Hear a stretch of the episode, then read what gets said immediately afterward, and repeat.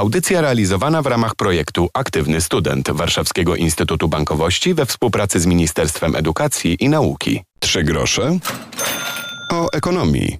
Piotr Topuliński, dzień dobry. Naszym gościem jest dziś Michał Polak, wiceprezes zarządu Fundacji Warszawski Instytut Bankowości. Dzień dobry, cześć. Dzień dobry, witam wszystkich. Rozmawiać będziemy o studentach, o portfelu studenta, portfelu, który staje się coraz bardziej pusty, chcąc nie chcąc. Nie wiem, czy coraz bardziej pusty, na pewno coraz bardziej obciążony. Tak, z, ewidentnie z naszego corocznego raportu, który wydajemy już od sześciu lat we współpracy ze Związkiem Banków Polskich przy okazji Nowego Roku Mm, akademickiego, który przecież za kilka dni się rozpocznie. E, no, ten raport pokazuje nam w tym roku faktycznie, że blisko 40% e, respondentów uważa, że ich sytuacja materialna się pogorszyła, tak? Więc to jest na pewno taki dzwonek alarmowy, który myślę, że nie jest zaskoczeniem, biorąc pod uwagę bardzo trudną sytuację gospodarczą e, na świecie i w Europie, e, rosnącą inflację, no to wszystko również znajduje e, odzwierciedlenie i swój, swoje piętno na tych studenckich portfelach. Niestety rośnie odsetek studentów, którzy deklarują brak oszczędzania. Dzisiaj jest to właściwie co piąty student mówi, że nie ma żadnych oszczędności, co także pokazuje w jakim momencie jesteśmy. No i mniej więcej to się akurat to rozkłada w miarę równo, niemniej no około 1 trzeciej polskich studentów e, uważa, że jest e, gorzej sytuowanych niż e, ich rówieśnicy. Także to też pokazuje pewnego rodzaju wyzwania, przed jakimi stoimy. To, na co zwróciłem uwagę, to pewna liczba, która jest odpowiedzią na pytanie, czy zarabia ci się lepiej, czy żyje ci się finansowo lepiej i to jest mniejsza grupa odpowiadających tak niż w zeszłym roku. W zeszłym roku co dziesiąty odpowiadał, że no jest lepiej, mimo że przecież ostatnie lata nie było łatwe. No i w tym roku no maleje 7%. Tak, ja myślę, że w zeszłym roku to jednak miało e, z, związek z takim oddechem po tej pierwszym uderzeniu mocnym pandemii, tak? Kiedy faktycznie w zasadzie już e, wszystkie biznesy, wszystkie branże mogły się otworzyć, co także dało dużą szansę, e, dużą szansę studentom na znalezienie pracy, pracy dorywczej i to na pewno był, e, był taki pozytywny aspekt, który, który na to wpływał. Natomiast no też jak spojrzymy na tą naszą y, miesięczną symulację, którą co roku staramy się w, w, oparciu o takie własne opracowanie przygotowywać. W tym roku akurat dotyczy ta symulacja y, studentki architektury z Gdańska. Y, no widzimy na przykładzie tych ostatnich edycji portfela studenta, że w zasadzie od początku tego raportu w 2016 roku koszty e, ta, takiego miesięcznego, powiedzmy, utrzymania się studenta wzrosły prawie dwukrotnie. Oczywiście w tym samym czasie wzrosły także płace, oczywiście w tym samym czasie pojawiły się ulgi dla, e, dla młodych wprowadzone przez, e, przez rząd, natomiast niemniej no, pokazuje to moment, w jakim jesteśmy i może pokazywać moment, w jakim będziemy w ciągu kolejnych kilku lat. W tym roku obrazem takim przykładowym jest postać studentki z Gdańska, studentka architektury, która to musi wydać na mieszkanie, na żywność, na edukację, ale to oddaję tobie pole. No tak, w tym, w tym roku e, faktycznie tą dokonaną kalkulację, którą, którą na potrzeby raportu przygotowaliśmy, e, o, że tak powiem, wzięliśmy na, na, na tapet y, przykładową studentkę z Gdańska. Oczywiście y, tutaj od razu zastrzegam, że ten koszt powyżej 3000 zł y, miesięcznie również wynika z tego, że uwzględniamy tutaj studentkę studiów niestacjonarnych, a więc tutaj ten najwyższy koszt... Czyli jeszcze czesny. Tak, ten najwyższy koszt miesięczny, oczywiście te, te, te koszty są na ogół semestralne, natomiast tutaj podzieliliśmy przez liczbę miesięcy w semestrze, wyszła nam kwota około 650 zł. W kolejnych, e, że tak powiem, e, pozycjach tego raportu oczywiście kwestie związane z wynajmem e, pokoju, ale także rosnące koszty związane czy to z ubraniami, czy to z żywnością.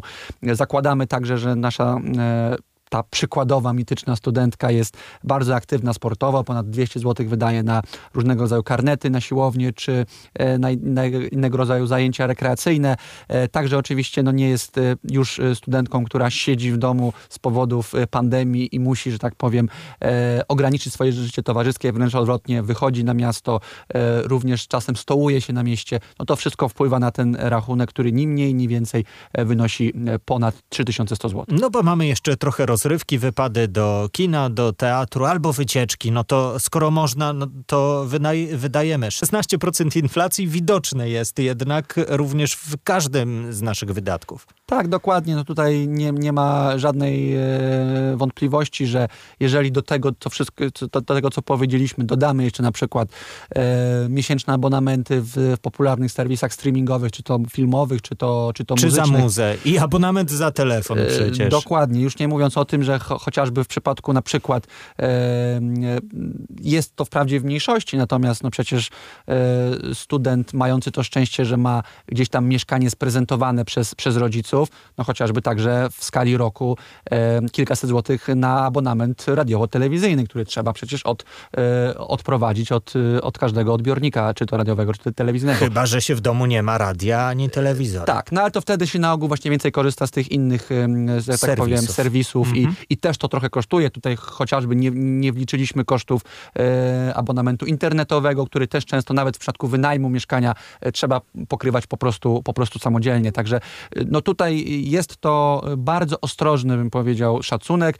Podejrzewam, że w skali, w skali takich faktycznych wydatków, nawet w przypadku studentów studiów stacjonarnych, ta kwota może być jednak jeszcze kilkaset złotych wyższa. No, kwestia mieszkaniowa to jest jeszcze coś, co poruszymy w naszej audycji, bo mam wrażenie, że to jest w ogóle wyjątkowo trudny e, temat w tym roku ze znalezieniem mieszkania. Ten nasz Gdańsk, powiedzmy, że e, klasyfikuje się u góry tabeli. Mamy tańsze miasta, miasta w cudzysłowie, no ale ta Warszawa i y, studenci, którzy teraz przyjeżdżają, przykładowo, no nie mają łatwo, jeśli chodzi o znalezienie y, mieszkania samemu, no lepiej z kimś. Przede wszystkim po raz pierwszy od bardzo dawna mamy problem z e, podażą mieszkań. Tak? To znaczy tutaj jesteśmy w sytuacji, w której od lutego e, w wielu mieszkaniach przeznaczonych na wynajem e, przebywają nasi goście z Ukrainy.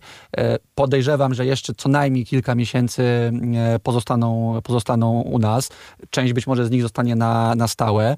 Do tego dołożymy no jednak ros, rosnące koszty, koszty najmu. Do tego dołożymy no, zmniejszający się jednak impet nowych mieszkań wiemy jaka jest sytuacja na chociażby rynku materiałów e, budowlanych. To wszystko wpływa na to, że e, student jest dzisiaj w bardzo trudnej sytuacji. Z jednej strony e, bardzo wysokich cen i takiego no, bardzo poważnego rozważenia, czy stać go faktycznie na wynajem mieszkania czy, czy, czy, czy pokoju, a jeszcze do tego mamy przecież ograniczoną sieć akademików, która też nie jest w stanie pomieścić wszystkich, wszystkich studentów. No i warunki nie są wymarzone. Dokładnie. A z drugiej strony jest sam problem w ogóle w stanięciu przed takim dylematem, czy, y, czy wynająć, czy nie, tak? No bo po prostu y, te mieszkania są y, bardzo szybko wynajmowane, bardzo szybko spadają z rynku, no przynajmniej na kilka najbliższych, najbliższych miesięcy. Także faktycznie też nas nie dziwi, mimo powrotu do e, edukacji stacjonarnej.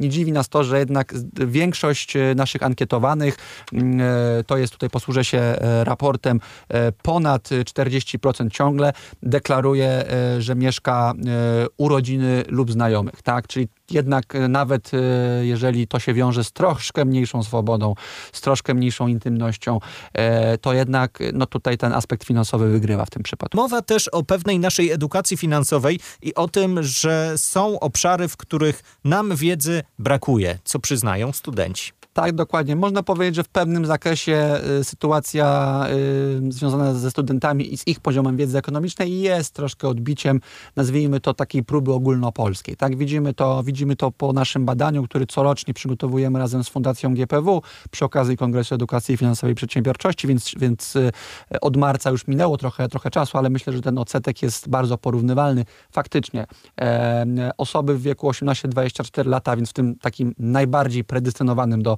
predestynującym do, do studiowania, e, widzą te braki. E, mało tego, nawet e, około jednej trzeciej do końca nie umie sprecyzować, czego tak naprawdę nie, nie umie, więc to już w ogóle jest taka sytuacja bardzo, bardzo niebezpieczna. Natomiast jeżeli już e, patrzymy na tych bardziej konkretnych respondentów, no to oni przede wszystkim wskazują na cyberbezpieczeństwo.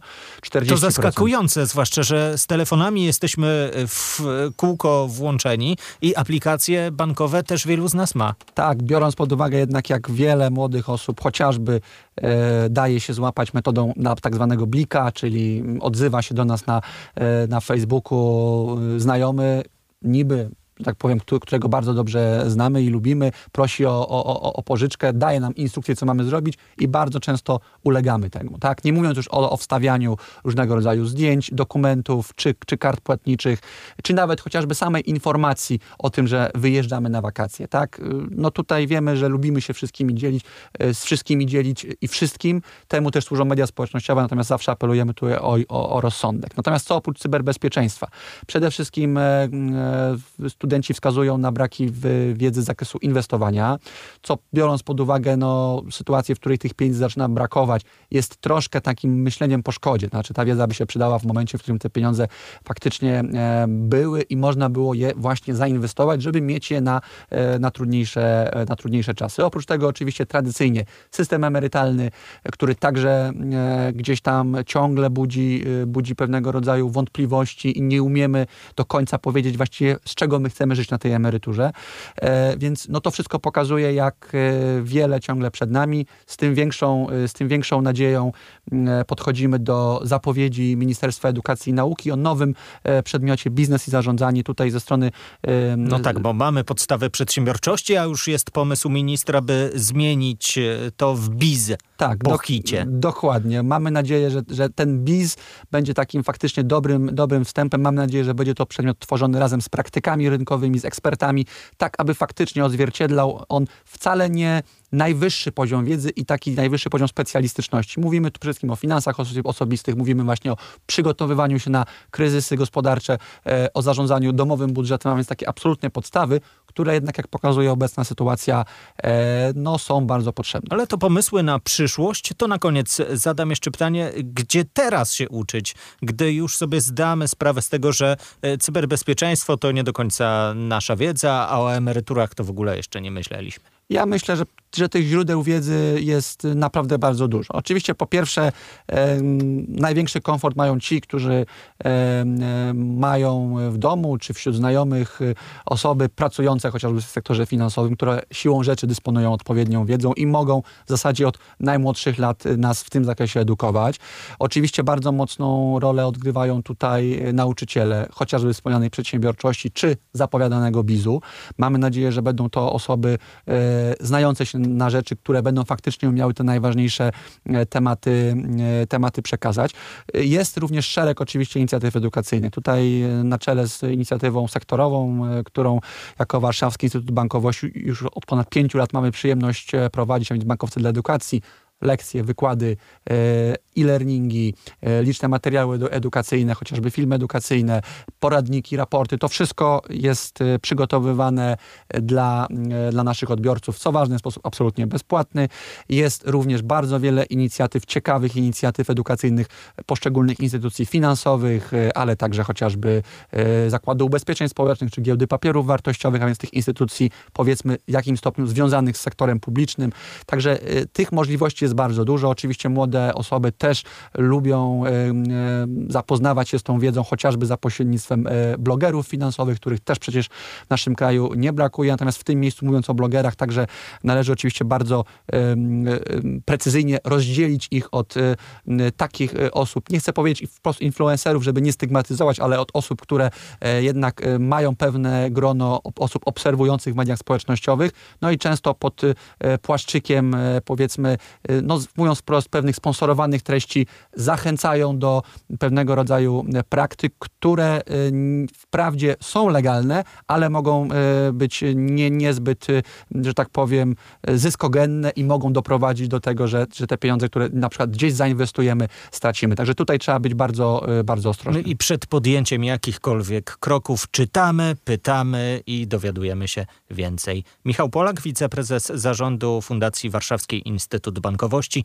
Dzięki za to spotkanie. Dziękuję bardzo y, serdecznie i życzę wszystkiego dobrego z okazji Nowego Roku Akademickiego. Mam nadzieję, że w czerwcu y, spotkamy się w lepszych humorach, nie tylko z powodu y, z danej sesji, ale także troszkę być może większego oddechu w gospodarce. I mimo, że tematy w najbliższych tygodniach mogą być trudne, to mam nadzieję, że się usłyszymy za tydzień.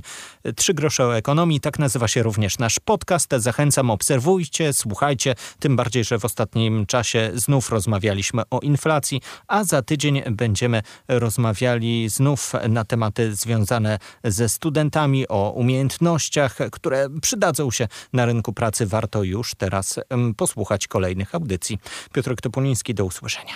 Audycja realizowana w ramach projektu Aktywny Student Warszawskiego Instytutu Bankowości we współpracy z Ministerstwem Edukacji i Nauki.